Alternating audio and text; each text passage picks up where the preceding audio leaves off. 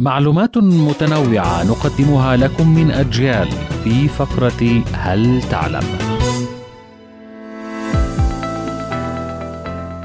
البحر الميت سمي بالبحر الميت لأنه لا توجد به حياة أي لا تعيش به أي نوع من الكائنات الحية وبسبب شدة الملوحة فيه بحر قزوين سمي بحر قزوين نسبة إلى مدينة قزوين الإيرانية حيث يمر منها.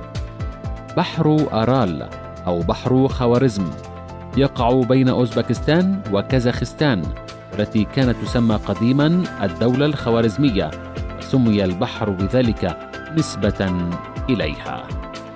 كانت هذه فقرة هل تعلم من أجيال قرأها محمد إبراهيم.